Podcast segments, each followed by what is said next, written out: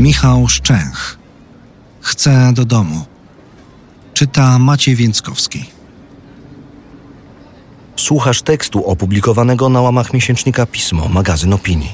Na stronie magazynpismo.pl znajdziesz więcej inspirujących treści, także w wersji audio. Wykup prenumeratę, aby zyskać dostęp do wszystkich artykułów, ilustracji i nagrań. Marianna uciekła z arki i wróciła do namiotu. Bo życie w lesie, mówi, jest lepsze od życia w tym schronisku. Marianna Nowak słucha Mozarta i Beethovena, bo w ich muzyce jest siła. Owszem, czasami płacze, ale w ukryciu. Boi się, że ludzie odbiorą to jako słabość. Nie chce być słaba. Taką bezdomną łatwiej kopnąć. Mówi, że w życiu spotkała więcej ludzi złych niż dobrych. Mama prawie umarła, kiedy mnie rodziła. Może dlatego mnie nie kochała? Gdy chorowałam, zamykała mnie samą w pokoju. Znęcała się nade mną. Ojciec pił i nie reagował. Zdałam egzaminy do szkoły nauczycielskiej, ale nie chcieli płacić za moją naukę, więc poszłam do zawodówki na sprzedawcę. Miała 18 lat, gdy wyprowadziła się z domu. Mój partner był alkoholikiem, bił mnie, dlatego uciekłam z dziećmi. Najmłodszy syn miał wtedy 10 miesięcy, środkowy prawie 3 latka, a najstarszy 4. Do pierwszego ośrodka dla bezdomnych w Otwocku trafiła w 2000 roku. Tam pozwolili mi zamieszkać na dłużej. To było ważne dla dzieci, żeby chodziły do szkoły. W szpitalu w Otwocku urodziła córkę i zamknęli mnie w izolatce. A przecież nie byłam chora ani ja, ani moja córka. Zamknęli mnie tylko dlatego, że byłam bezdomna. Gdy zlikwidowano placówkę w Otwocku, Mariannę przenieśli do Podlodowa. Pobyt w schronisku kosztuje, a cenę ustala instytucja, która je prowadzi. Płacą ośrodki pomocy społecznej, popularnie zwane OPS-ami. To one najczęściej kierują tam bezdomnych. Gdy podwyższyli opłatę w schronisku w Podlodowie, Marianna wynajęła mieszkanie w Muławie. Pracowałam wtedy jako opiekunka osób starszych. Nauczyciele ze szkoły, do której chodziły moje dzieci, pomogli mi napisać podanie. Tak trafiłam na listę oczekujących na mieszkanie socjalne. Gdy zachorowała, straciła pracę. Gubiłam się w miejscach, które znałam. Nie umiałam niczego policzyć, przeczytać, napisać. Nie potrafiłam zawiązać butów, a musiałam stawić czoła życiu. Przemijający atak niedokrwienny, na który cierpi Marianna, jest powodowany zaburzeniami dopływu krwi do mózgu, które ustają samoistnie w ciągu doby. Jeśli nie ustępują, dochodzi do udaru. Przemijające niedotlenienia miałam od dawna. Prawdopodobnie źle mnie diagnozowali. Dziś przy silnych atakach mam problem z orientacją, tracę świadomość. Nie potrafię wykonać nawet prostych czynności, takich jak pranie, sprzątanie, gotowanie. Przez chorobę zostawiła dzieci w domu dziecka. Nie mogłam ich odzyskać, bo sobie nie radziłam. Nie miałabym dokąd ich zebrać. Przeżyła załamanie nerwowe. Straciłam wszystko. Tułała się po kolejnych placówkach, aż zamieszkała w lesie, w namiocie. W lutym 2020 roku Miejski Ośrodek Pomocy Społecznej w Torzymiu wysłał Mariannę do Arki. Ewelinie powiedzieli o Arce w szpitalu, do którego trafiła po załamaniu nerwowym. Poznałam chłopaka, urodziłam dziecko, zaczął mnie bić, więc uciekłam z córką do domu samotnej matki, opowiada. Próbowałam ułożyć sobie życie, ale nie wychodziło. Zamieszkałam w ośrodku interwencji kryzysowej. Tam przez głupi błąd straciłam wszystko. Wypiłam. Koleżanka mnie namówiła. Wtedy zabrali mi córkę. Musiałam opuścić ośrodek. Tak znalazłam się na ulicy, sama. Stanisław Tęcza zgłosił się do Arki, gdy wyeksmitowali go z mieszkania. Jan Kobus spał w stodołach. Trzy razy próbował odebrać sobie życie. Któregoś dnia powiedział: Mam zdrowe ręce, tylko umysł chory przez alkohol. Poszedł do Arki, żeby odzyskać godność. Tomasz Fedro przyszedł jako wolontariusz, by prowadzić w Arce amatorskie mityngi dla uzależnionych. Jest po odwyku. Umarł mi ojciec, umarli dziadkowie i mama. Zostałem zupełnie sam. W alkohol wsiąkałem latami. Michał jest alkoholikiem od przeszło 20 lat i inwalidą w stopniu lekkim. Kiedyś pracowałem na lewo w Berlinie, u Polaka na budowie, mówi. Miałem wypadek. Zoperowali mi kolano, ale wdało się zakażenie, więc musieli zoperować łydkę, udo i przeszczepić skórę. Straciłem pracę. Wylądowałem na ulicy. Tam odmroziłem nogi. W szpitalu amputowali mi palce u lewej stopy. Pracownicy Polskiego Czerwonego Krzyża znaleźli ogłoszenie w internecie, że Arka ma świetne schronisko. W Polsce osoby dotknięte kryzysem bezdomności, które nie mają decyzji administracyjnej wydanej przez OPS, mogą korzystać z ogrzewalni, noclegowni i jadłodajni. Są to jednak schronienia na chwilę. Ci, którzy chcą stanąć na nogi i spróbować wyjść z bezdomności, w ośrodku pomocy społecznej mogą złożyć wniosek o skierowanie do schroniska, by przejść tam terapię i zerwać z nałogiem, spróbować wrócić na rynek pracy, znaleźć mieszkanie. Do schroniska kieruje ośrodek z tej gminy, na terenie której bezdomny się znajduje.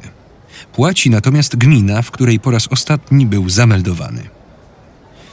Problemem w systemie zawsze była za mała liczba miejsc dla bezdomnych, którzy na przykład opuścili szpital lub z powodu podeszłego wieku czy choroby zostali skierowani do domu pomocy społecznej DPS, ale czekali w kolejce, aż ktoś zwolni dla nich miejsce, czytaj umrze.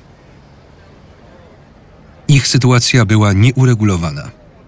Z myślą o takich ludziach w 2018 roku po nowelizacji ustawy o pomocy społecznej pojawił się nowy typ placówki schroniska z usługami opiekuńczymi.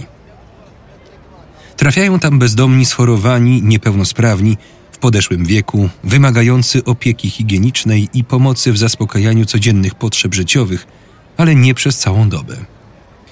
Jeśli mają skierowanie do DPS-u, również mogą trafić do takiego schroniska, ale tylko w uzasadnionych przypadkach i maksymalnie na 4 miesiące. Zgodnie z ustawą o pomocy społecznej w schroniskach musi być zatrudniony odpowiedni personel. Pracownicy socjalni i opiekunowie z co najmniej średnim wykształceniem i ukończonym szkoleniem z pierwszej pomocy. Z kolei w schroniskach z usługami opiekuńczymi muszą być zatrudnieni pracownicy socjalni oraz opiekunowie mający kwalifikacje do wykonywania zawodu pielęgniarza, ratownika lub opiekuna medycznego, opiekuna w domu pomocy społecznej, opiekuna osoby starszej, asystenta osoby niepełnosprawnej bądź opiekunki środowiskowej. Adriana Porowska jest dyrektorką Kamiliańskiej Misji Pomocy Społecznej. Działała też przy Rzeczniku Praw Obywatelskich. Zanim bezdomny trafi do schroniska, deklaruje chęć pobytu i podpisuje kontrakt socjalny z Ośrodkiem Pomocy Społecznej. Wyjaśnia. Podpisanie kontraktu nie jest wymagane, jeśli bezdomny ma trafić do schroniska z usługą opiekuńczą. Gdy w placówce misji kamiliańskiej pojawia się osoba bezdomna, personel od razu ustala z nią plan działania. Porowska. Mamy pracowników socjalnych, psychologa, doradcę zawodowego. Sprzedajemy kompleksową usługę, czyli nocleg z aktywizacją, za którą płacą gminy. Żeby postawić człowieka na nogi, a takie jest nasze zadanie, zapewniamy różnego rodzaju kursy, szkolenia i terapię. Aktywizujemy zawodowo, wspieramy przy składaniu wniosku o przydział lokalu z zasobów gminy. Ślemy wnioski i ponaglenia, żeby nasz podopieczny po opuszczeniu schroniska nie trafił na ulicę. Schroniska nie są miejscami, w których bezdomni mogą mieszkać na stałe. Porowska. Podpisujemy indywidualny program wychodzenia z bezdomności z podopiecznym i lokalnym ośrodkiem pomocy społecznej. Wyznaczamy terminy i zadania. Ustalamy, że aktywizacja zawodowa potrwa na przykład 3 miesiące. Jeśli się nie uda, a tak niestety się zdarza, to musimy wyjaśnić powody, że na przykład ktoś podupadł na zdrowiu i trafił do szpitala podpisujemy nowy program z tą osobą i działamy dalej. Bywa, że do schroniska niepełnosprawną osobę bezdomną po zakończeniu leczenia kieruje szpital. Powinien to zrobić w porozumieniu z miejscowym OPS-em. Tacy bezdomni często wymagają stałej opieki, pielęgnacji i rehabilitacji. Trafiają jednak tam, gdzie jest miejsce, żeby jak najszybciej zwolnić szpitalne łóżko dla kolejnego pacjenta. Pracownicy socjalni nie zawsze weryfikują schroniska pod względem warunków i zapewnianych przez nie usług. Jeśli dzwonią do nas ze szpitala, to pytamy, czy bezdomny, którego chcą do nas przysłać, jest samoobsługowy, mówi Porowska. Wielokrotnie byliśmy wprowadzani w błąd. Do schroniska misji kamilijańskiej nie są przyjmowani ciężko chorzy. Jego dyrektorka wyjaśnia. Sumienie by mi na to nie pozwoliło, bo nie pełnimy funkcji opiekuńczej. Gdy ośrodki pomocy społecznej chcą u nas umieścić takich ludzi, tłumaczymy, że nie mamy warunków, przez co chory mógłby bardziej podupaść na zdrowiu. Porowska powołuje się na ojca Bogusława Palecznego, wieloletniego opiekuna warszawskich bezdomnych. Mówił, że niepomaganie jest czasem lepsze od pomagania. Nie możemy brać na siebie odpowiedzialności za człowieka, jeśli nie potrafimy mu pomóc. Wtedy szukamy odpowiedniego miejsca i rozwiązania.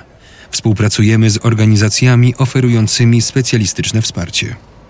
W Polsce działa około 600 placówek dla osób bezdomnych, większość bez usługi opiekuńczej. W 2020 roku ukazał się raport Najwyższej Izby Kontroli Działania wspierające i aktywizujące osoby bezdomne.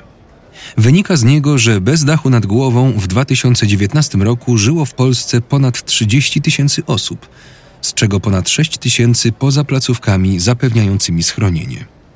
Zdaniem streetworkerów z Zielonej Góry, którzy chcą pozostać anonimowi, są to dane bardzo niedoszacowane.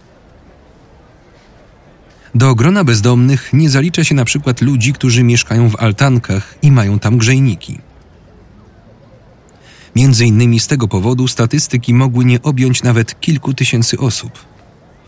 Ile wśród bezdomnych jest osób niedołężnych i niesamodzielnych? Nikt tego nie liczy. Porowska. 90% pomocy dla osób w kryzysie bezdomności świadczą organizacje pozarządowe – Większość działa solidnie, z ogromnym poświęceniem. Niestety, nie wszystkie.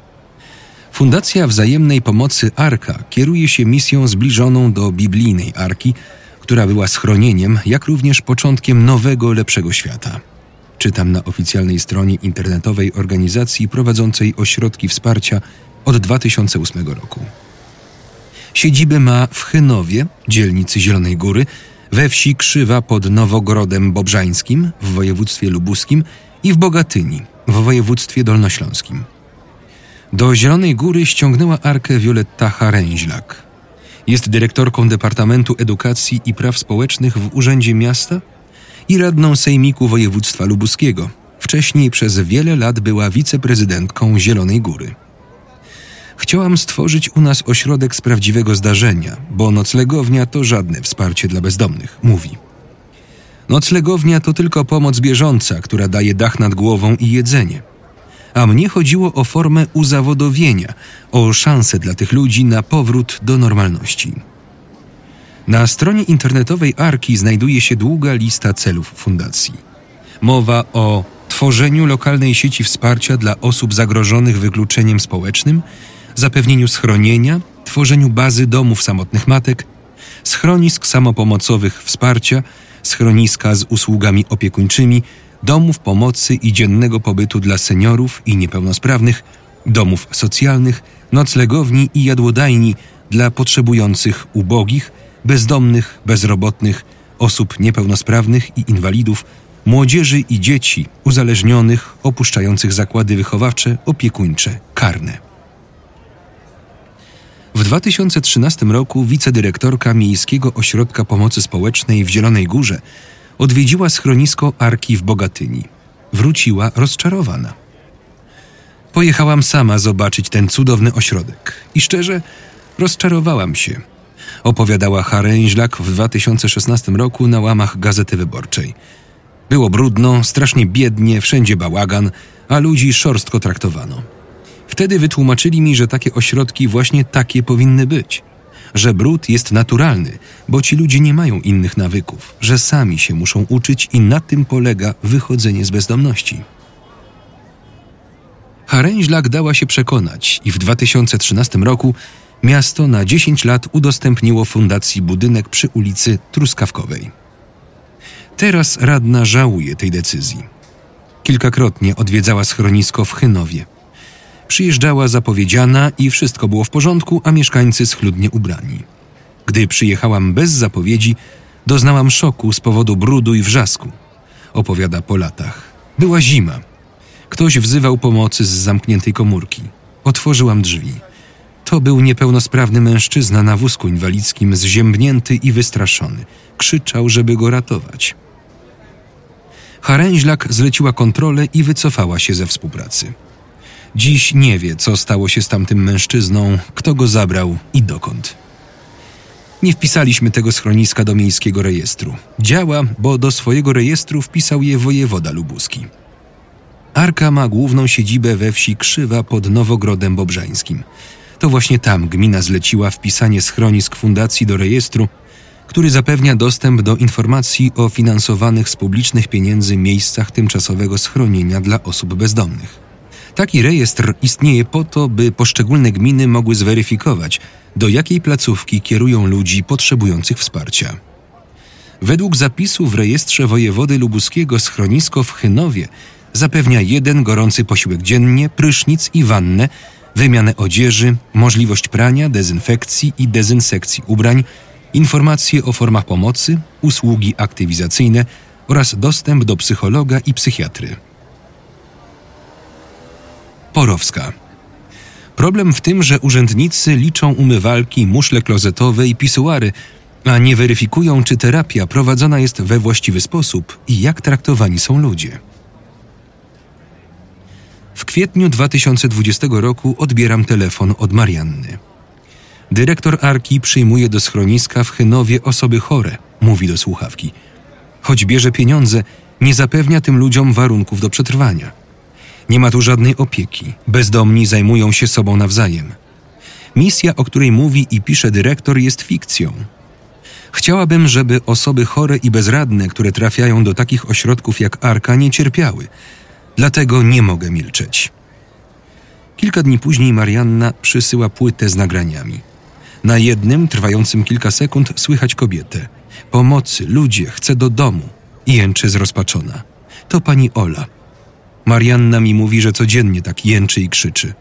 Jest chorobliwie otyła, ma bolesną ranę na nodze, większość czasu spędza w pokoju na łóżku, bo ciężko jej chodzić.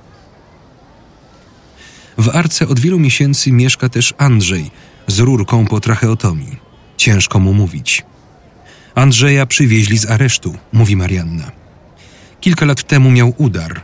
Jego rurka ciągle zapycha się krwią. Powinni wymieniać, ale nie wymieniają. Jeździ na wózku. Niekiedy wspina się po schodach. W ten sposób ćwiczy, bo nie ma tu rehabilitacji. Zaczęłam dbać o Andrzeja, bo nie było komu. W jego pokoju był brud i nikogo to nie obchodziło. Wydzwaniam do ośrodka pomocy społecznej w Kostrzynie Wielkopolskim, który wysłał Andrzeja do Arki. Walczę o miejsce dla niego w domu pomocy społecznej, żeby go stąd wydostać. Niedaleko schroniska w Chynowie znajdują się szkoła i kościół. Po drugiej stronie ulicy jest sklep. Większość przechodniów zapytana o Arkę macha tylko ręką. Władysława, która ma dom niedaleko, trzy lata temu wezwała do schroniska karetkę. Szłam do sklepu. Nagle młody chłopak wyskoczył przez okno. Spadł prawie na mnie. Czy to normalne, żeby zaburzonemu psychicznie dawać pokój na piętrze? Pyta retorycznie. Wiele razy zaczepiali ją mieszkańcy schroniska, wołając: Daj na piwo, daj na papierosy. Skarżyli się, że dyrektor zabiera im pieniądze. W sklepie potwierdzają, że niektórzy mieszkańcy schroniska kupują alkohol. Piją, przytakuje starsze małżeństwo. Mąż. Godzina 22. Jestem na podwórku i widzę, jak pijani włażą do schroniska przez okno. Ostatni raz na policję dzwoniłem w zeszłym roku, gdy zwozili tu jeszcze matki z dziećmi, które doznały przemocy. Ich mężowie zjeżdżali pod ten budynek. Wyjdź, daj buzi, jęczeli. Włazili oknami. Od zeszłego roku matek z dziećmi tu nie widziałem. Żona. Kiedyś policja częściej tu przyjeżdżała. Od jakiegoś czasu jest spokój. Bezdomni sprzątają, grabią liście, a jak jest tam w środku, diabli wiedzą. Pewnego dnia Marianna powiedziała innym podopiecznym schroniska: Przecież nie wolno wam milczeć. Skoro widzicie i nie reagujecie, to też jesteście winni. Do reakcji zmobilizowała nielicznych, innymi Tomasza Fedre, tego od mityngów anonimowych alkoholików, który w schronisku w Chynowie pełnił też krótko obowiązki kierownika. Na próbę, bez umowy. Tomasz opowiada mi o chorych, którzy mieszkają w Arce. Bandażuje nogę pani Oli. Kiedyś była na chodzie, a teraz ciągle siedzi w pokoju i powtarza, że boli. Dają jej leki na uspokojenie. A ten pan, który leży, tylko czasami się podniesie, żeby zjeść. Jest też pan, który umiera na raka. Jeden śpi na fotelu, bo brakuje dla niego łóżka. Tomasz mówi o tym głośno dopiero teraz, bo w 2019 roku przyjeżdżał do schroniska tylko raz w tygodniu. Nie widziałem nieprawidłowości, twierdzi. Wcześniej nie miałem dostępu do wielu pomieszczeń, zwłaszcza tych na piętrze, więc do nich nie zaglądałem. Gdy zacząłem częściej odwiedzać schronisko, zajrzałem. Najgorzej było w pokoju z czterema starszymi mężczyznami. Byli zapuszczeni, załatwiali się do wiadra, śmierdziało. A jak mieli wszawice, to strach było tam iść. Stanisław. Nie ma windy, więc chorzy zsuwają się po schodach na tyłkach. Gdy pada, schody robią się śliskie, bo przecieka dach. Tomasz. Jeden chory zwalił się z nich i mocno poturbował. Dopiero po trzech dniach zabrali go do szpitala, żeby zszyć ranę na głowie. Wiele razy, jak trzeba było wezwać pogotowie, dyrektor nic nie robił. Nie ma tu ani lekarza, ani pielęgniarek. Nie ma zaplecza medycznego. A osobom, które oddają do fundacji swoich bliskich, dyrektor wciska kit, że będą mieć całodobową opiekę. Przecież to jawne oszustwo. Stanisław. Wszędzie gnieżdżą się myszy, na stołówce, w spiżarni, w magazynie. Zapasy jedzenia leżą tam na ziemi.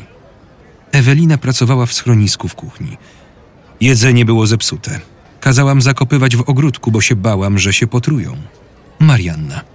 Z kranów przeważnie leci zimna woda, a dyrektor traktuje bezdomnych jak darmową siłę roboczą. Stanisław.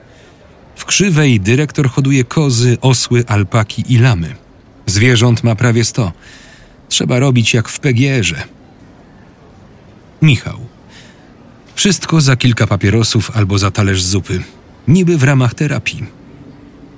Michał chciał w arce wyleczyć nogi i zacząć żyć na nowo. Dyrektor nie kupił mi nawet butów. Chodziłem w starych, dziurawych. W nodze otworzyła się rana po operacji. Kazał mi iść do przychodni, a to przecież pięć kilometrów w jedną stronę. Przez to wszystko zacząłem się bać, że wrócę do nałogu. W kwietniu zadzwoniłem do szpitala w Ciborzu i poprosiłem, żeby mnie przyjęli. Buty pożyczyłem od kolegi. Do Arki więcej nie wrócę. Marianna uciekła 28 kwietnia i znowu zamieszkała w namiocie. Po raz pierwszy rozbiła go dwa lata temu, gdy jej córka, wtedy jeszcze nieletnia, mieszkała w placówce opiekuńczej. Córka jest uzależniona od alkoholu. Miała próbę samobójczą. Przychodziłam z tym namiotem z lasu i rozbijałam na boisku za każdym razem, gdy mnie potrzebowała. Zapraszałam córkę na kawę. Mówiłam: Dziecko, to jest nasz dom, bo nie mogę zaproponować nic więcej. Chciałam ją stamtąd zabrać, ale nie miałam dokąd. Cały ten czas, który wtedy spędziłam w namiocie, poświęciłam córce, żeby nie zrobiła sobie znowu krzywdy. Widziałam jej rękę, szwy po łokieć. Gdy zamieszkała w namiocie, po raz pierwszy poszła na śmietnik. Inni bezdomni pokazali mi, jak wygląda ołów, a jak mieć. Nauczyli przetapiać kable, a ja w zamian rozdawałam im zupę w słoikach. To, co wytopiła z kabli, nosiła do skupu. Tak zarabiała na śpiwór, na jedzenie, na wszystko, co potrzebne, żeby przeżyć w lesie. Namiot Marianny jest niebieski. Żeby dopasować go do krajobrazu, przykrywa brązową plandeką. Budzę się rano, a przy namiocie śpi dzik. Myję się, odwracam głowę, a tam borsuk. Przychodzą też lisy i sarny. Z oddali słyszę wilki. Nigdy mi krzywdy nie zrobiły. Krzywdzili mnie tylko ludzie. Życie w lesie jest lepsze od życia w tym schronisku. Ucieczek z Arki w minionych latach było więcej. Jan Kubus. Uciekłem, bo w Arce byłem traktowany jak człowiek drugiej kategorii. Tam człowiek tylko patrzył, żeby dzień zleciał, a ja chciałem czegoś więcej. Wioleta Haręźlak. Przychodzili do mnie uciekinierzy i prosili o pomoc. Kobiety kierowałam na przykład do domu samotnej matki. Część znalazła schronienie w ośrodkach Rondo i Caritasu, które współfinansujemy. Ewelina. Chorzy nie mieli jak uciec. Ja uciekłam. Wierzyłam, że jeśli opowiem o wszystkim, tym ludziom pomoże policja. W 2015 roku zeznania w zielonogórskiej komendzie złożyła Ewelina i kilkoro innych podopiecznych Arki. Sprawę jednak umorzono. Pięć lat później zeznali także Marianna, Michał i Tomasz. Ta sprawa jest w toku. Wielokrotnie rozmawiałam z komendantem. Miał zgłoszenia o znęcaniu się w tym ośrodku, o biciu, mówi Haręźlak. Proszę zadzwonić na policję i zapytać, ile razy tam interweniowała. W komendzie zasłaniają się ustawą o dostępie do informacji publicznej, ograniczającej ten dostęp innymi ze względu na prywatność osoby fizycznej. Nie udzielamy informacji dotyczących policyjnych interwencji podejmowanych pod konkretnym adresem, gdyż taka informacja narusza prawo do prywatności zamieszkały tam osób. Pisze w e-mailu podinspektorka Małgorzata Barska z zespołu prasowego Komendy Miejskiej Policji w Zielonej Górze. W czerwcu przy bramie schroniska wita mnie garstka mieszkańców. Furtka jest zamknięta na klucz. Każą wejść z drugiej strony. Dyrektor generalny Jan Gaszewski już czeka. Ktoś błyskawicznie mu zameldował, że przyszedłem. Na podwórzu porządek. Pod wiatą siedzi starszy mężczyzna na wózku. Nie ma nogi. Kolejny stoi wsparty o dwie kule. I jak, dobrze wam tu? Rzuca Gaszewski. Mężczyźni kiwają głowami. Zbliża się pora obiadu. Na piecu kasza i gulasz. Mamy kilka posiłków dziennie, w tym obiad dwudaniowy, zachwala mieszkaniec, o którym podopieczni schroniska mówią, że jest prawą ręką dyrektora. Ten piec nas grzał, jak tu zamieszkaliśmy i jeszcze nie było prądu, wspomina Gaszewski. Prowadzi pod ścianę ze zdjęciami przy bramie wjazdowej. Wiszą na niej fotografie sprzed ponad sześciu lat, gdy budynek był jeszcze ruiną. Na kolejnych można zobaczyć, jak się z tej ruiny podniósł. Własnymi rękami rozbudowujemy nasze ośrodki, opowiada Gaszewski już w gabinecie. Wykorzystuje różne umiejętności tych ludzi. Jeden potrafi szlifować deski, więc niech buduje balustrady przy schodach, drugi potrafi murować, niech robi remonty. Czy to jest terapia, która ma służyć wychodzeniu z bezdomności? Pytam. Oczywiście, odpowiada Gaszewski. Odpala komputer i prezentuje skany kolejnych dyplomów i świadectw. Studia drugiego stopnia, nauki społeczne, praca socjalna, organizator pomocy społecznej, czyta. Studia skończyłem we Wrocławiu z wynikiem bardzo dobrym. O czym pan pisał pracę magisterską? O tym, co tutaj robię. Mam dyplom terapeuty poznawczo-behawioralnego z Wrocławia. Skończyłem w Krakowie podyplomówkę z ekonomii społecznej. W autentyczność dyplomów Gaszewskiego uprawniających do prowadzenia schronisk wątpi Wioleta Haręźlak. Choć wielokrotnie nalegałam, nigdy mi ich nie pokazał. W lubuskim urzędzie wojewódzkim również ich nie widzieli, nawet w czasie kontroli. Pracą na rzecz schroniska uczę tych ludzi, jak dbać o swoje otoczenie i o porządek, kontynuuje Gaszewski. Uczę ich systematyczności, odpowiedzialności, dobrej organizacji. W ten sposób zmieniam ich charaktery. Pozamiatanie czy umycie podłogi i okien w przypadku osób bezdomnych na początku naprawdę nie jest proste. Mieszkańcy schroniska wykonują usługi budowlane, choć nie mają uprawnień, a fundacja nie pomaga w ich zdobyciu. Nie zapewnia szkoleń zawodowych, które pomogłyby jej podopiecznym w powrocie na rynek pracy. Może powinni mieć umowę o pracę i dostawać wynagrodzenie, sugeruje. Ale przecież dla mnie nikt usług nie wykonuje. To nie jest moje, to fundacji, broni się Gaszewski. Nasz regulamin określa, że praca ma formę terapii i formę edukacyjną. Pracą wyciągam tych ludzi z depresji. Przebywają u nas osoby uzależnione, z zaburzeniami osobowości. Zwierzęta, które hodujemy, są dla nich jak zastrzyk pozytywnej energii. Pan też pracuje dla fundacji za darmo? Ja mam wynagrodzenie, ale przeznaczam je na zakup materiałów budowlanych i na wszystko. Czy osoby, które tu mieszkają, mają szansę pracować poza schroniskiem? Nikt ich tutaj na siłę nie trzyma. To nie jest więzienie. Można się wyprowadzić i wtedy pracować, bo nasze schronisko jest dla osób, które nie mają ani mieszkania, ani zatrudnienia. I takie osoby mogą u nas przebywać do końca życia i jeden dzień dłużej. Przyjmuje pan osoby ze znacznymi niepełnosprawnościami, choć nie ma warunków. Gaszewski kręci głową. Każdy z naszych podopiecznych może pójść do lekarza. Niektórych nawet wozimy. Mieliśmy tu niepełnosprawnego w stopniu znacznym. Świetnie się u nas czuł. W 2019 roku, gdy pracownicy opieki społecznej i policjanci przyjechali go zabrać, dostał nerwicy i wieczorem zmarł na atak serca. Dyrektor oprowadza mnie po placówce. Prezentuje ekspres do kawy. Pić można o każdej porze, chwali się. Prowadzi do salki, w której mieszkańcy ośrodka szyją maseczki. Rozdajemy potrzebującym. Gdy proszę o pokazanie pokojów, w których mieszkają podopieczni Arki, Gaszewski odmawia, nie podając przyczyny. Nie mam nic do ukrycia. Rzuca na do widzenia. A pani Ola? Pytam. Ale jaka Ola? Wyjaśniam, że chodzi o kobietę z raną na nodze. A, to zabrali. Chyba pomoc społeczna. Okna zielonogórskiego schroniska wychodzą na ulicę. Gdy kolejny raz przyjeżdżam na truskawkową, z jednego z okien przez chwilę słyszę głos kobiety. Pomocy, ludzie, chcę do domu! krzyczy zrozpaczona. To pani Ola. Z Arką współpracuje 11 lubuskich gmin. Stan na 22 czerwca 2020 roku. W Urzędzie Wojewódzkim informują mnie, że są to Ośno Lubuskie, Nowogród Bobrzański, Krosno Odrzańskie, Bojadła, Bytnica, Świdnica, Cybinka, Zabór, Żagań, Brody i Torzym.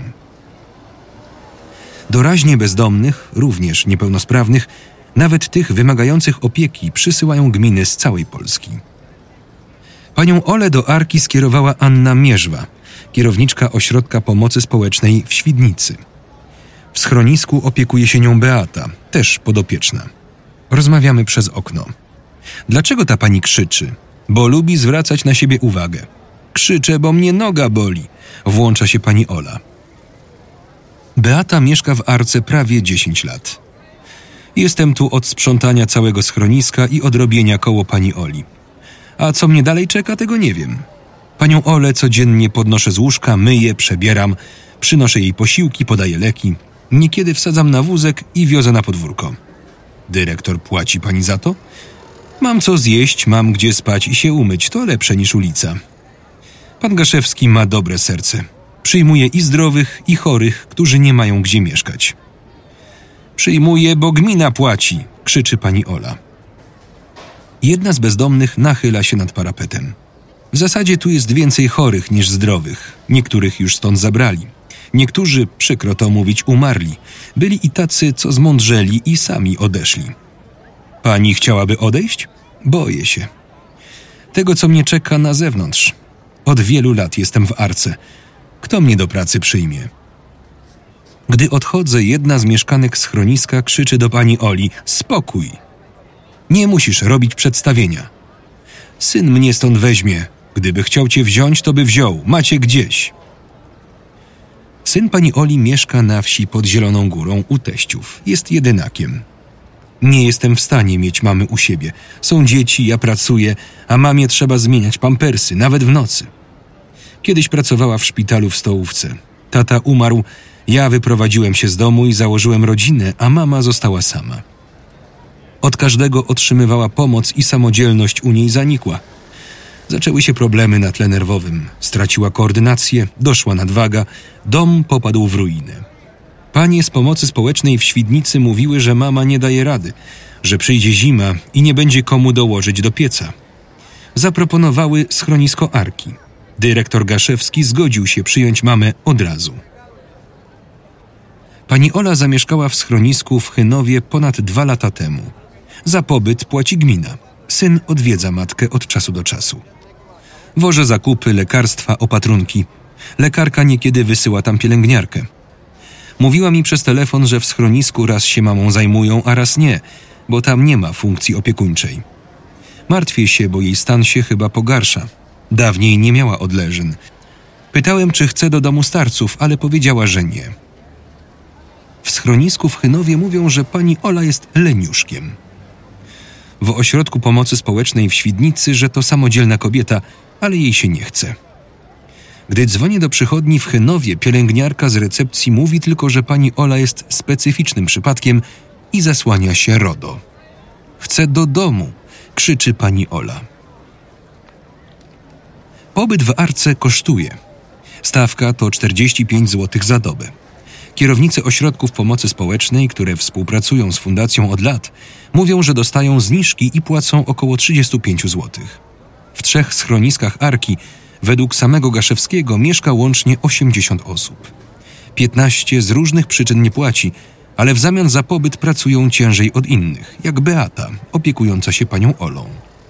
Najnowsze sprawozdanie finansowe Arki, dostępne we wrześniu 2020 roku na stronie internetowej Narodowego Instytutu Wolności, dotyczy 2018 roku. Fundacja wykazała w nim ponad milion złotych przychodu, głównie z opłat za pobyt, ale też od darczyńców i z kwest. Pieniądze idą na opłaty za wywóz śmieci, za prąd, za wodę, za szambo, wylicza dyrektor. Media pochłaniają według niego połowę wpływów za pobyt, druga połowa idzie na jedzenie. Na stronie internetowej fundacji jest zakładka Chcę pomóc. Można tam znaleźć instrukcję, jak wpłacić darowiznę pieniężną. Jest też notka o możliwości przekazania 1% podatku, a także darowizn rzeczowych. Przyjmiemy odzież, buty, kosmetyki, chemię gospodarczą, koce, pościel, książki, sprzęty AGD, RTV, meble. Ciągle remontujemy i ulepszamy schroniska, więc potrzebujemy materiałów budowlanych. Stanisław mieszkał w schroniskach Arki w Bogatyni i w Krzywej. Zbieraliśmy pieniądze do puszek, bo dyrektor nam kazał. Byliśmy jak romskie dzieci, wysyłane na żebry. Anna Mierzwa co roku ogłasza konkurs, żeby znaleźć kąt dla bezdomnych. Zgłasza się tylko Arka. Spełniają wszystkie kryteria, więc podpisujemy umowę. Jeśli mamy osobę bezdomną, dyrektor Gaszewski nigdy nie robi problemów z przyjęciem. Świdnica ma sześcioro podopiecznych w schronisku w Chynowie. Mierzwa. Wcześniej ci ludzie żyli na terenie gminy w tragicznych warunkach, w dużym ubóstwie, bez prądu i wody, w sypiących się domach. W Arce mają zapewnione wszystkie niezbędne potrzeby, czyli dach nad głową, pożywienie, ubranie, pomoc lekarską, pomoc terapeuty. Pan dyrektor nas o tym zapewnił. Pracownice Ośrodka Pomocy Społecznej w Świdnicy jeżdżą na zapowiedziane wizyty do schroniska w Chynowie. Nigdy nie usłyszeliśmy od podopiecznych złych słów, że dzieje się tam coś niepokojącego, mówi Mierzwa. Tam jest wspólnota. Ludzie są resocjalizowani poprzez pracę. Adriana Porowska, szefowa kamiliańskiej misji pomocy społecznej, zetknęła się ze zjawiskiem wykorzystywania bezdomnych w różnych schroniskach do najgorszych i najcięższych prac. Jeśli ktoś ma wizję, że praca za darmo kogokolwiek uleczy, jest nieodpowiedzialny. To jak współczesne niewolnictwo. W schronisku, które prowadzę, mieszka pani Ela. Ma ponad 60 lat. Swoim życiu pracowała na etacie tylko przez rok. Zatrudniliśmy ją na część etatu. Pomaga w kuchni, obiera ziemniaki i pilnuje, żeby chłopaki dobrze obierali. Dostaje pieniądze i może zadecydować, co sobie kupić. Nie jest skazana tylko na to, co leży w worku od ludzi. W ten sposób, choć częściowo odzyskuje godność i sprawczość. W Zielonej Górze od ponad trzech lat działa schronisko Caritas, ośrodek aktywizujący dla bezdomnych mężczyzn imienia świętej Matki Teresy z Kalkuty. Terapia wychodzenia z bezdomności trwa tam trzy lata. Podopieczny dostaje posadę, na przykład w ośrodku sportu i rekreacji, choćby w stajni przy koniach i zarabia pieniądze, tak zwane świadczenie integracyjne, około 1600 zł miesięcznie. Jeśli się spisze, ma szansę na awans, a nawet na umowę o pracę. Część zarobionych pieniędzy może przeznaczyć na własne potrzeby. Część wpłaca na dwa fundusze. Pierwszy jest wspólny dla całego schroniska i korzystają z niego bezdomni, którzy właśnie trafili do ośrodka i nie mają grosza w kieszeni. Drugi, indywidualny, służy gromadzeniu pieniędzy, które mają pomóc w opuszczeniu schroniska. Można je przeznaczyć na przykład na wyposażenie mieszkania socjalnego lub na opłacenie wynajmu. Im bardziej mieszkaniec schroniska jest zasobny, tym większy nacisk kładzie się na to, żeby się usamodzielniał. Porowska mówi, że jeśli OPS wysyła kogoś do schroniska, nawet 300 km dalej, to mimo wszystko powinien mieć obowiązek skontrolować to schronisko. Przecież można poprosić ośrodek pomocy społecznej działający tam na miejscu, by wysłał pracownika w celu sprawdzenia, czy placówka jest godna zaufania. Niestety w przepisach nie ma takiego wymogu, ubolewa.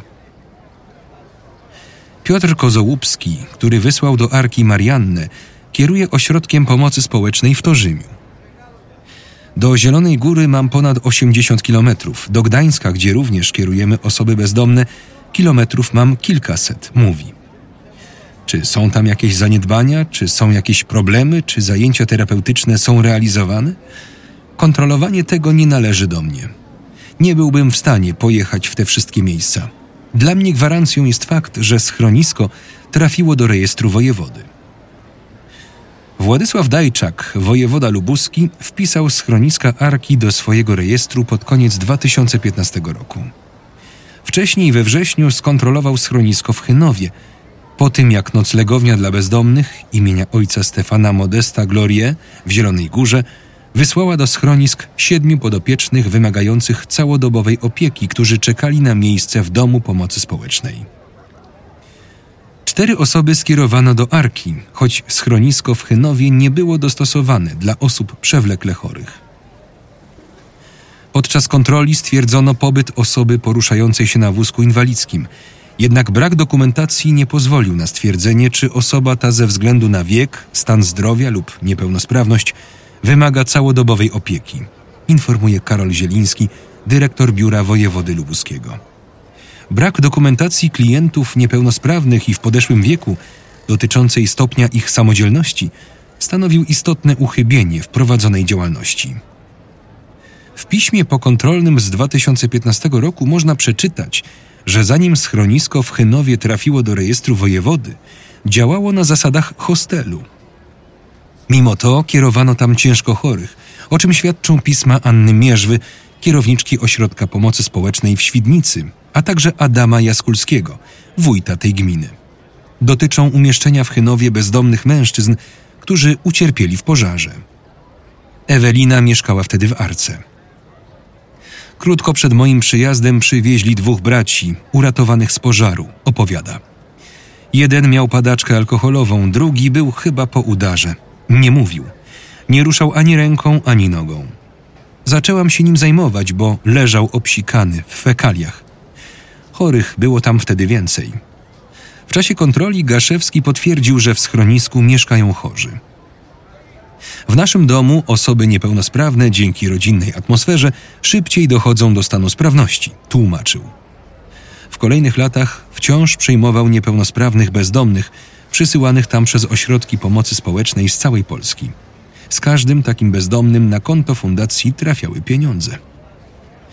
W 2019 roku wojewoda zlecił kolejną kontrolę w Chynowie po informacji z jednego z ośrodków pomocy społecznej, że w schronisku znowu przebywa osoba niepełnosprawna w stopniu znacznym. Urzędnicy stwierdzili na miejscu, że w Arce mieszkają bezdomni, którzy ze względu na wiek i stan zdrowia wymagają całodobowej opieki i wsparcia. Zieliński. Ustalono, że schronisko nie zapewnia miejsc z usługami opiekuńczymi, że placówka nie zapewnia warunków bezpiecznego pobytu, że brakuje tam wykwalifikowanej kadry świadczącej usługi. Dyrektor Gaszewski w czasie kontroli nie udokumentował swoich kwalifikacji, choć do prowadzenia tego typu schronisk są one niezbędne. Zgodnie z ustawą wymagany jest co najmniej trzyletni staż pracy w pomocy społecznej i specjalizacja w tym zakresie. Wojewoda wydał zalecenia pokontrolne. Ośrodki pomocy społecznej poinformowano o zagrożeniu bezpieczeństwa skierowanych tam niepełnosprawnych. Inspektorzy zalecili niezwłoczne umieszczenie ich w placówkach dla osób przewlekle chorych. Gaszewski odmówił podpisania protokołu. Grażyna Jelska, dyrektorka Wydziału Polityki Społecznej Lubuskiego Urzędu Wojewódzkiego, zapowiedziała, że zostanie wszczęte postępowanie, jeśli Gaszewski nie zrealizuje zaleceń pokontrolnych. W czerwcu, w krótkiej wypowiedzi dla programu Uwaga stacji TVN, potwierdziła, że w schronisku stwierdzono nieprawidłowości. Zasób kadrowy jest tam znikomy, minimalny. To jest niedopuszczalne. Placówka nie ma warunków do tego, aby przyjmować osoby niepełnosprawne, ponieważ nie jest to schronisko z miejscami opiekuńczymi, a takie przyjmuje, mówiła Jelska w programie. Postępowania nie wszczęto. Gdy w Urzędzie Wojewódzkim pytam o powody, wyjaśniają, że w 2018 roku zmieniła się ustawa o pomocy społecznej i schroniskom dano czas do końca 2020 roku, żeby zadbać o podniesienie kwalifikacji kadry. Z powodu pandemii COVID-19 termin wydłużono o dwa lata. Gaszewski, najwyraźniej czując się bezkarnym, nadal przyjmował chorych i brał za to pieniądze. Pod koniec 2019 roku przyjął Andrzeja, tego na wózku, po udarze z rurką po tracheotomii. Dyrektor zapewniał, że schronisko ma usługę opiekuńczą, mówi Marlena Chłopicka, kierowniczka Ośrodka Pomocy Społecznej w Kostrzynie Wielkopolskim. Naliczył nawet odpowiednio wysoką opłatę. Gdy zaczęliśmy to weryfikować, okazało się, że takiej usługi tam nie ma. OPS w Kostrzynie wysłał jednak Andrzeja do Arki, gdy Gaszewski obniżył ceny. Chłopicka. Szukaliśmy tymczasowego miejsca pobytu, bo na miejsce w DPS trzeba było czekać. Andrzej, jako niepełnosprawny i niesamodzielny, nigdy nie powinien trafić do schroniska Arki. Jakub Wilczek pracuje w schronisku Towarzystwa Pomocy imienia świętego brata Alberta w Zabrzu. Jest też prezesem Ogólnopolskiej Federacji na rzecz rozwiązywania problemów bezdomności. Komentuje. Większość gmin nie prowadzi schronisk, tylko zleca to organizacjom pozarządowym. Zdarzają się takie, które słabo wywiązują się z tych obowiązków. Rolą gminy jest kontrolowanie, czy to, co zleca, jest faktycznie wykonywane i z jaką jakością. Jednak ośrodkom pomocy społecznej, szczególnie w mniejszych miejscowościach, często nie zależy na tym, by wiedzieć, co się dzieje z osobami bezdomnymi w schroniskach. Odpychają problem od siebie. Skoro bezdomny jest w jakiejś placówce, to jest zabezpieczony. Ale czy ta placówka spełnia jakiekolwiek standardy? Tego często nie weryfikują. Podopieczni Arki mieszkają w schronisku, jakby miało być ich domem na zawsze, choć powinno stanowić tylko miejsce przejściowe. Fundacja powinna prowadzić terapię, dzięki której wkładając ogromny wysiłek, być może wyszliby oni z bezdomności. W wystąpieniu pokontrolnym z 2019 roku można jednak przeczytać, że w schroniskach Arki brakuje jakiejkolwiek dokumentacji z prowadzonych zajęć aktywizacyjnych ukierunkowanych na wzmacnianie aktywności społecznej, na uzyskanie samodzielności życiowej i wyjście z bezdomności. Po kontroli ze współpracy z Arką zrezygnowały dwie gminy – Jasień, bo w schronisku nie było już pochodzących stamtąd podopiecznych, i Czerwieńsk z powodu nieprawidłowości. Kierowaliśmy tam ludzi w sile wieku, którzy przy odrobinie pracy nad nimi byliby w stanie wyjść z bezdomności, mówi Beata Przymus, dyrektorka Ośrodka Pomocy Społecznej w Czerwieńsku. Mijały jednak lata i nikt w schroniskach Arki takiej pracy z nimi nie wykonywał, a oni tam tkwili, wegetowali. Nie było żadnych efektów, nie było współpracy, a my płaciliśmy. Haręźlak. Jaki jest sens wysyłać osobę bezdomną do Arki, skoro szanse na samodzielność, na znalezienie pracy i mieszkania po wyjściu z takiego schroniska są marne? Mierzwa. Czy możemy dać tym ludziom coś więcej, skoro gminy nie mają pieniędzy, nie są w stanie zapewnić mieszkań socjalnych? Gdzie mieliby się podziać po opuszczeniu schroniska? Gdyby nie Arka, wielu mieszkałoby pod mostem. Przymus zwraca uwagę, że schronisk w Polsce jest bardzo dużo. Gminy, zwłaszcza te niewielkie, pozbawione takich placówek, mają ogromny problem ze znalezieniem schroniska, które chciałoby podpisać z nimi umowę. Dlatego zwłaszcza zimą ośrodki pomocy społecznej wolą kierować bezdomnych gdziekolwiek, niż pozostawić ich na pastwę losu. Wówczas w najgorszej sytuacji są bezdomni schorowani. Halina Kłucjasz kieruje ośrodkiem pomocy społecznej w Nowogrodzie Bobrzańskim. Przysyłają nam chorą osobę bezdomną ze szpitala i nikt się nie martwi, co się z nią stanie. My musimy zapewnić jej opiekę. Tylko w jaki sposób? Mieliśmy w przeszłości przypadki, że kierowaliśmy takich ludzi do domów pomocy społecznej, ale to powinna być ostateczność, bo koszty są ogromne. Domy pomocy społecznej zajmują się pomocą osobom wymagającym całodobowej opieki z powodu wieku, choroby lub niepełnosprawności. Koszty utrzymania ponosi mieszkaniec domu, ale w wysokości nieprzekraczającej 70% jego dochodu, a także rodzina, jeśli jej dochód nie jest za niski, i gmina. W przypadku osób bezdomnych koszty w całości najczęściej ponosi gmina. W Lubuskiem cena za miejsce w DPS waha się od 3,5 do 4,5 tysiąca złotych miesięcznie. W pozostałych województwach widełki cenowe są na podobnym poziomie. W zależności od zasięgu działania danego DPS-u, stawkę ustala wójt lub burmistrz bądź prezydent miasta, starosta albo marszałek województwa.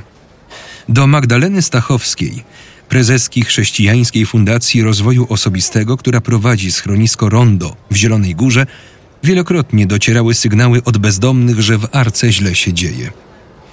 Dziś sama już nie wiem, komu wierzyć, wzdycha. Na miejsce w domu pomocy społecznej czeka się nawet 4 lata. Schorowane osoby bezdomne są na szarym końcu tej kolejki. Gdzie przez 4 lata mają się podziać? Zdarzają się sytuacje, że osoba bezdomna nie jest aż tak chora, żeby trafić do DPS-u. Musi wymagać całodobowej opieki ze względu na chorobę lub wiek, ale jest na tyle niesprawna, że nie może przebywać w noclegowni lub w zwykłym schronisku. Kłucjarz. W całej Polsce szukaliśmy schroniska z funkcją opiekuńczą i nie było miejsc. Gaszewski w latach 90. prowadził knajpę. W 1998 roku straciłem majątek, opowiada. Weszła mafia i zażądała ode mnie haraczu, a państwo mnie nie ochroniło. Od 2004 roku działa w organizacjach pozarządowych. W przeszłości był prezesem pomagającej ubogim Fundacji Ziemi Bogatyńskiej Przyjazne Dłonie. Ministerstwo Pracy i Polityki Społecznej wykreśliło ją z listy organizacji pożytku publicznego z powodu nieprawidłowości wykrytych w trakcie kontroli zleconej przez ministra. Wcześniej zdarzyło się to tylko raz. Organizacja może zostać wykreślona z listy OPP, gdy na przykład nie sporządza sprawozdań finansowych zgodnie z wytycznymi, nie rozlicza się ze zbiórek publicznych lub ich nie zgłasza, wykorzystuje dotacje niezgodnie z przeznaczeniem lub gdy bez zezwolenia prowadzi placówkę zapewniającą całodobową opiekę osobom niepełnosprawnym. O sprawie w 2009 roku doniósł tygodnik Polityka. W artykule Juliusza Ćwielucha i Adama Grzeszaka, co fundacje robią z podarowanymi pieniędzmi, wypowiadała się m.in. Halina Sadulska, była szefowa Rady Przyjaznych Dłoni. Zrezygnowałam z zasiadania we władzach fundacji po roku, kiedy zauważyłam, że pieniądze nie trafiają do potrzebujących. Autorzy artykułu wspominają też o skarbniku, który zrezygnował, gdy zorientował się, że stracił kontrolę nad przepływem pieniędzy. Te wpływały na konto przyjaznych dłoni m.in. dzięki różnego rodzaju dotacjom i datkom zbieranych do puszek. Sadulska powiadomiła policję i prokuraturę, a Gaszewski w 2008 roku założył drugą organizację pożytku publicznego, czyli Arkę. Ksiądz złapał pod kościołem trzy panie, które bez żadnego zezwolenia kwestowały na rzecz tej fundacji. A ja do dziś nie mam odpowiedzi z prokuratury, co z moim zawiadomieniem. Skarżyła się Zadulska na łamach polityki 11 lat temu.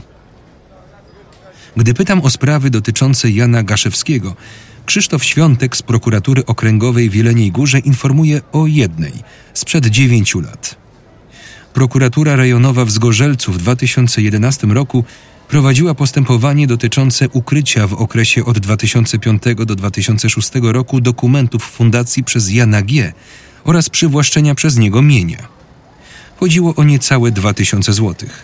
Postępowanie umorzono 29 grudnia 2011 roku. Nie dostarczyło podstaw do wniesienia aktu oskarżenia. W 2016 roku Haręźlak zwołała konferencję prasową zaprosiła przedstawicieli firm i instytucji, którzy w przeszłości wsparli Gaszewskiego sporymi sumami pieniędzy. Jako dziennikarz lokalny również na niej byłem. Dorota Pieńkowska z Warszawy, dyrektorka Polsko-Amerykańskiego Funduszu Inicjatyw Obywatelskich, w 2004 roku pożyczyła Gaszewskiemu, wówczas pełnomocnikowi przyjaznych dłoni, 70 tysięcy złotych. Udało nam się od nich wyrwać półtora tysiąca. Resztę musieliśmy wpisać w straty, bo fundacja miała puste konto. Nie jest godna publicznych pieniędzy. Przejechałam do Zielonej Góry 500 kilometrów specjalnie, żeby was ostrzec, z kim macie do czynienia, mówiła Pieńkowska. Przed Gaszewskim przestrzegał również Wacław Hansz. Jako dyrektor Centrum Integracji Społecznej w Zielonej Górze zachęcał wcześniej Arkę do współpracy, ale odmawiali. Był taki projekt, za udział w którym uczestnicy, czyli bezdomni, mogli dostawać po kilkaset złotych, opowiadał Hansz w 2016 roku. Gaszewski odmówił, bo to ludzie nieodpowiedzialni i tylko on może dysponować pieniędzmi. Później odmówił wpuszczenia terapeutów i psychologów do ośrodka, bo on sam jest znakomitym terapeutą. Waldemar Weiss, prezes Fundacji Merkury z Wałbrzycha, przez 12 lat był prezesem Dolnośląskiej Federacji Organizacji Pozarządowych, a wcześniej działał między innymi w Monarze. Arka jest niewiarygodną i nieuczciwą fundacją, kompletnie nietransparentną, mówił w trakcie konferencji. W 2012 roku organizacja Weissa miała nadwyżkę gotówki i postanowiła ją pożyczyć innym organizacjom, żeby im pomóc. 37 tysięcy złotych powędrowało do Arki. Weiss mówi mi dzisiaj, Gaszewski skończył spłacać pożyczki dopiero w 2019 roku, po wielu moich prośbach i ponagleniach. A przecież na konto jego fundacji cały czas spływały pieniądze, choćby z opłat za pobyt i datków zbieranych do puszek. Kilka lat temu, gdy Weiss walczył o spłatę długu, odwiedził filię Fundacji Gaszewskiego w Bogatyni. Mieszkańcy żyli tam sami sobie. Gdy przed laty dyrektor zwrócił się do nas o pożyczkę, to dokumenty podpisywali ludzie bezdomni, którzy najprawdopodobniej nawet nie wiedzieli, jakie papiery mają przed nosem. Haręźlak. Dyrektor nie bierze za nic odpowiedzialności. W zarządzie ma bezdomnych, którzy są od niego całkowicie zależni. Potrafił stworzyć wokół siebie grupę ludzi, którzy kochają go nad życie. Pomaga organizować orszak Trzech Króli. Ściąga na niego żywe zwierzęta, które hoduje w krzywej. Opowiada, ileż to on dobrego robi dla bezdomnych, jakie ma kwalifikacje i dyplomy. Opowiada o tym, jak własnymi rękami buduje swoje schroniska. Potrafi zaprosić nawet wojewodę i odstawić swój teatr. Wojewoda Władysław Dajczak odwiedził Arkę 25 września 2019 roku. Wizytę relacjonowało radio Zielona Góra. Jestem pełen podziwu i szacunku, mówił na antenie wojewoda. Jeśli będzie jakakolwiek możliwość wsparcia państwa, to oczywiście jestem do dyspozycji. Robicie dobre rzeczy dla ludzi. Gaszewski narzeka od lat, że władze Zielonej Góry nie dofinansowują jego schroniska. Te odpowiadają, że tego nie robią, bo nie jest dla nich wiarygodny. Ci, którzy powinni kontrolować schroniska Arki, czyli wojewoda i OPS-y, nie robią tego wystarczająco często i skrupulatnie, skoro trafiają tam osoby chore, choć nie powinny. Tracą bezdomni, zwłaszcza ci niesamodzielni z powodu chorób i wieku. Dla takich ludzi łóżko, dach nad głową, ciepły posiłek, towarzystwo współmieszkańców i zwierząt to rzeczywiście dużo w porównaniu z tym, co mieli wcześniej. Ale to zdecydowanie za mało, żeby odzyskać godność. Po ucieczkach kolejnych mieszkańców, po tym jak Marianna nagłośniła sprawę i schroniskom Arki zaczęły przyglądać się media, fundacja kupiła dwie pralki, trzy suszarki i dwie maszynki do strzyżenia. Pieniądze na zakup, 8,5 tysiąca złotych, przekazał w maju wojewoda lubuski w ramach walki z pandemią COVID-19. W czerwcu Urząd Miasta w Zielonej Górze dał 10 tysięcy złotych na przeprowadzenie warsztatów kulinarnych ze zdrowego żywienia. 17 czerwca fundacja rozpoczęła współpracę z psycholożką, a 21 czerwca z terapeutką.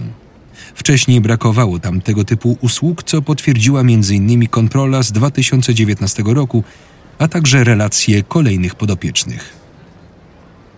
Fundacja niedawno kupiła busa do przewozu osób z niepełnosprawnościami ruchowymi. Na stronie internetowej Arki można przeczytać, że w ten sposób przygotowuje się do utworzenia schroniska z usługami opiekuńczymi. Takie ośrodki mogą przyjmować pod swój dach ludzi niepełnosprawnych w stopniu znacznym i niesamodzielnych, wymagających fachowej opieki. Przyjmując ich do chwili obecnej, dyrektor Gaszewski narażał i wciąż naraża ich zdrowie, a być może życie, skoro w schroniskach Arki nie ma dla nich ani warunków, ani wykwalifikowanego personelu.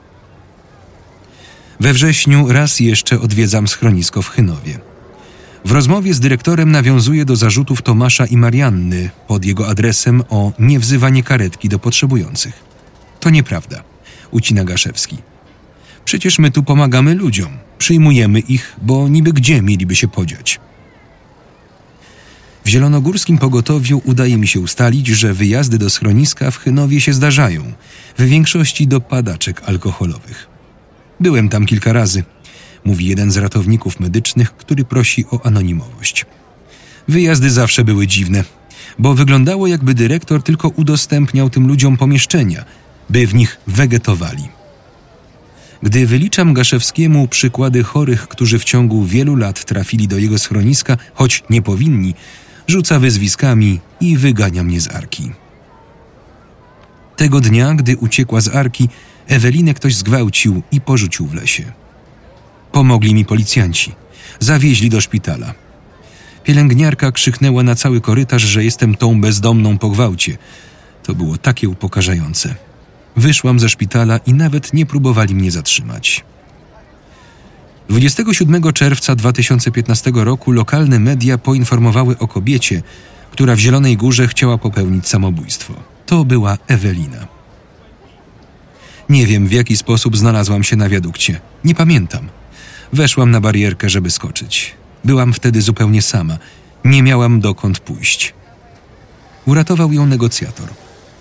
Kolejne lata w życiu Eweliny to wzloty i upadki, problemy ze znalezieniem pracy, wreszcie pobyt w schronisku Rondo. Jest tam spokój. Można rozmawiać o problemach.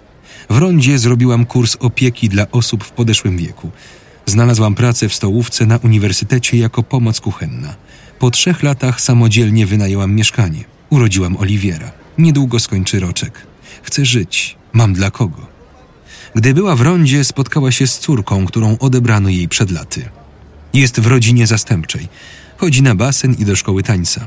Boli mnie, że nie mam jej przy sobie, ale nie chcę rujnować jej świata. Jan Kubus, gdy po ucieczce z Arki zamieszkał w rondzie, skończył technikum, znalazł pracę w zakładzie gospodarki komunalnej i wynajął mieszkanie. Rok temu dostaliśmy zlecenie, żeby wyciąć suche gałęzie w Chynowie, wspomina Jan. Zatrzymaliśmy się na chwilę przy schronisku. Zobaczyłem dyrektora Gaszewskiego. To ja, poznaje mnie pan? Zapytałem, a on uciekł bez słowa, jakby się mnie wystraszył. Chciałbym stanąć z nim twarzą w twarz i powiedzieć, że nie wolno tak traktować ludzi.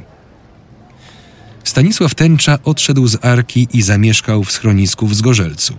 Niedawno był w sanatorium. Za dwa tygodnie zapłaciłem 700 złotych. To tylko trochę więcej od kwoty, jaką trzeba zapłacić za taki sam czas pobytu w schronisku Gaszewskiego. Gdy w czerwcu ponownie rozmawiałem z Tomaszem, nie prowadził już w arce spotkań dla uzależnionych.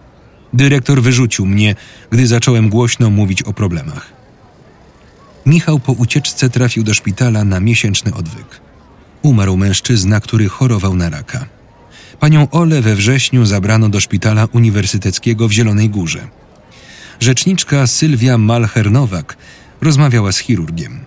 Potwierdził, że pani Ola nie jest samodzielna i wymaga stałej opieki pielęgnacyjnej. Anna Mierzwa, kierowniczka Ośrodka Pomocy Społecznej w Świdnicy, wreszcie zaczęła szukać dla pani Oli miejsca w domu pomocy społecznej. Na czas poszukiwań znowu wysłała ją do Arki. We wrześniu przywieźli Bogdana. Ma 57 lat. Dwa tygodnie wcześniej w szpitalu w Zielonej Górze amputowali mu nogę. Ten człowiek nie jest samodzielny. Powinien trafić do specjalistycznego ośrodka. Sprawdził to nasz pracownik socjalny. Mówi mi Barbara Daszuta, kierowniczka działu pomocy środowiskowej w Zielonogórskim Miejskim Ośrodku Pomocy Społecznej. Daszuta powiadomiła wojewodę. Mówili, że pojadę do domu pomocy społecznej, wzdycha Bogdan. Siedzi na wózku inwalidzkim i obiera kolejne worki marchewek dla alpak. Tu nie ma żadnej opieki. Sam robię opatrunki. Martwi się. Marianna w czerwcu wystąpiła w programie Uwaga stacji TVN. Wtedy gmina przydzieliła jej mieszkanie komunalne we wsi pod Nowym Tomyślem. Do stacji kolejowej ma stamtąd 4 kilometry. Dojeżdża stopem, bo kursuje jeden autobus, a koszt biletu w dwie strony to prawie 13 złotych. Nie stać mnie. Mam 560 zł renty inwalidzkiej i 80 zł refundacji za leki. Z tego żyję. Z początku w mieszkaniu nie miała podłączonej wody ani prądu. Żeby umyć podłogę, poszłam po wodę do stawu. Nikt nie zapytał, może pani czegoś potrzebuje, może herbaty się pani napije, może pani nie ma co jeść? Wtedy na drzwiach mieszkania Marianna wywiesiła kartkę z pytaniem: Kim jest człowiek? Chciałam usłyszeć od ludzi, kim ja dla nich jestem, skoro nie traktują mnie jak równej sobie. Nikt jej nie odpisał, nikt nie odpowiedział. Mam wrażenie, że w oczach ludzi ja już zawsze będę tą bezdomną, tą gorszą, która zbierała puszki, żeby przeżyć. Gdybym nie miała tego samozaparcia, dawno rzuciłabym się przez okno albo powiesiła w łazience. Marianna czekała na mieszkanie 16 lat. Gdyby ktoś mi pomógł przed laty, gdy uciekłam z dziećmi od tego bydlaka, ich ojca, to dzisiaj moje życie być może wyglądałoby zupełnie inaczej. Ale skoro wszystko potoczyło się tak, jak się potoczyło, próbuję to sobie jakoś wytłumaczyć. Może trafiłam do arki, żeby ktoś przyjrzał się temu schronisku? Może trafiłam tam, żeby wydostać Andrzeja? Dzięki interwencji Marianny, Andrzej, ten z rurką po tracheotomii, po wielu miesiącach pobytu w arce zamieszkał w domu pomocy społecznej. Wreszcie ma opiekę pielęgniarek i rehabilitację. Wierzy, że odzyska choć częściową sprawność. Gaszewski na stronie internetowej fundacji zamieścił zdjęcie z jego pożegnania. Załączył życzenia powrotu do zdrowia. Andrzej w schronisku bał się, że nie wytrzyma psychicznie i wyskoczy przez okno. W czerwcu przysłał mi SMS. To cud, że tam przeżyłem. Współczuję wszystkim, którzy dalej tam przebywają. Reportaż ukazał się w 36. numerze miesięcznika Pismo, magazyn opinii. Czytał Maciej Więckowski.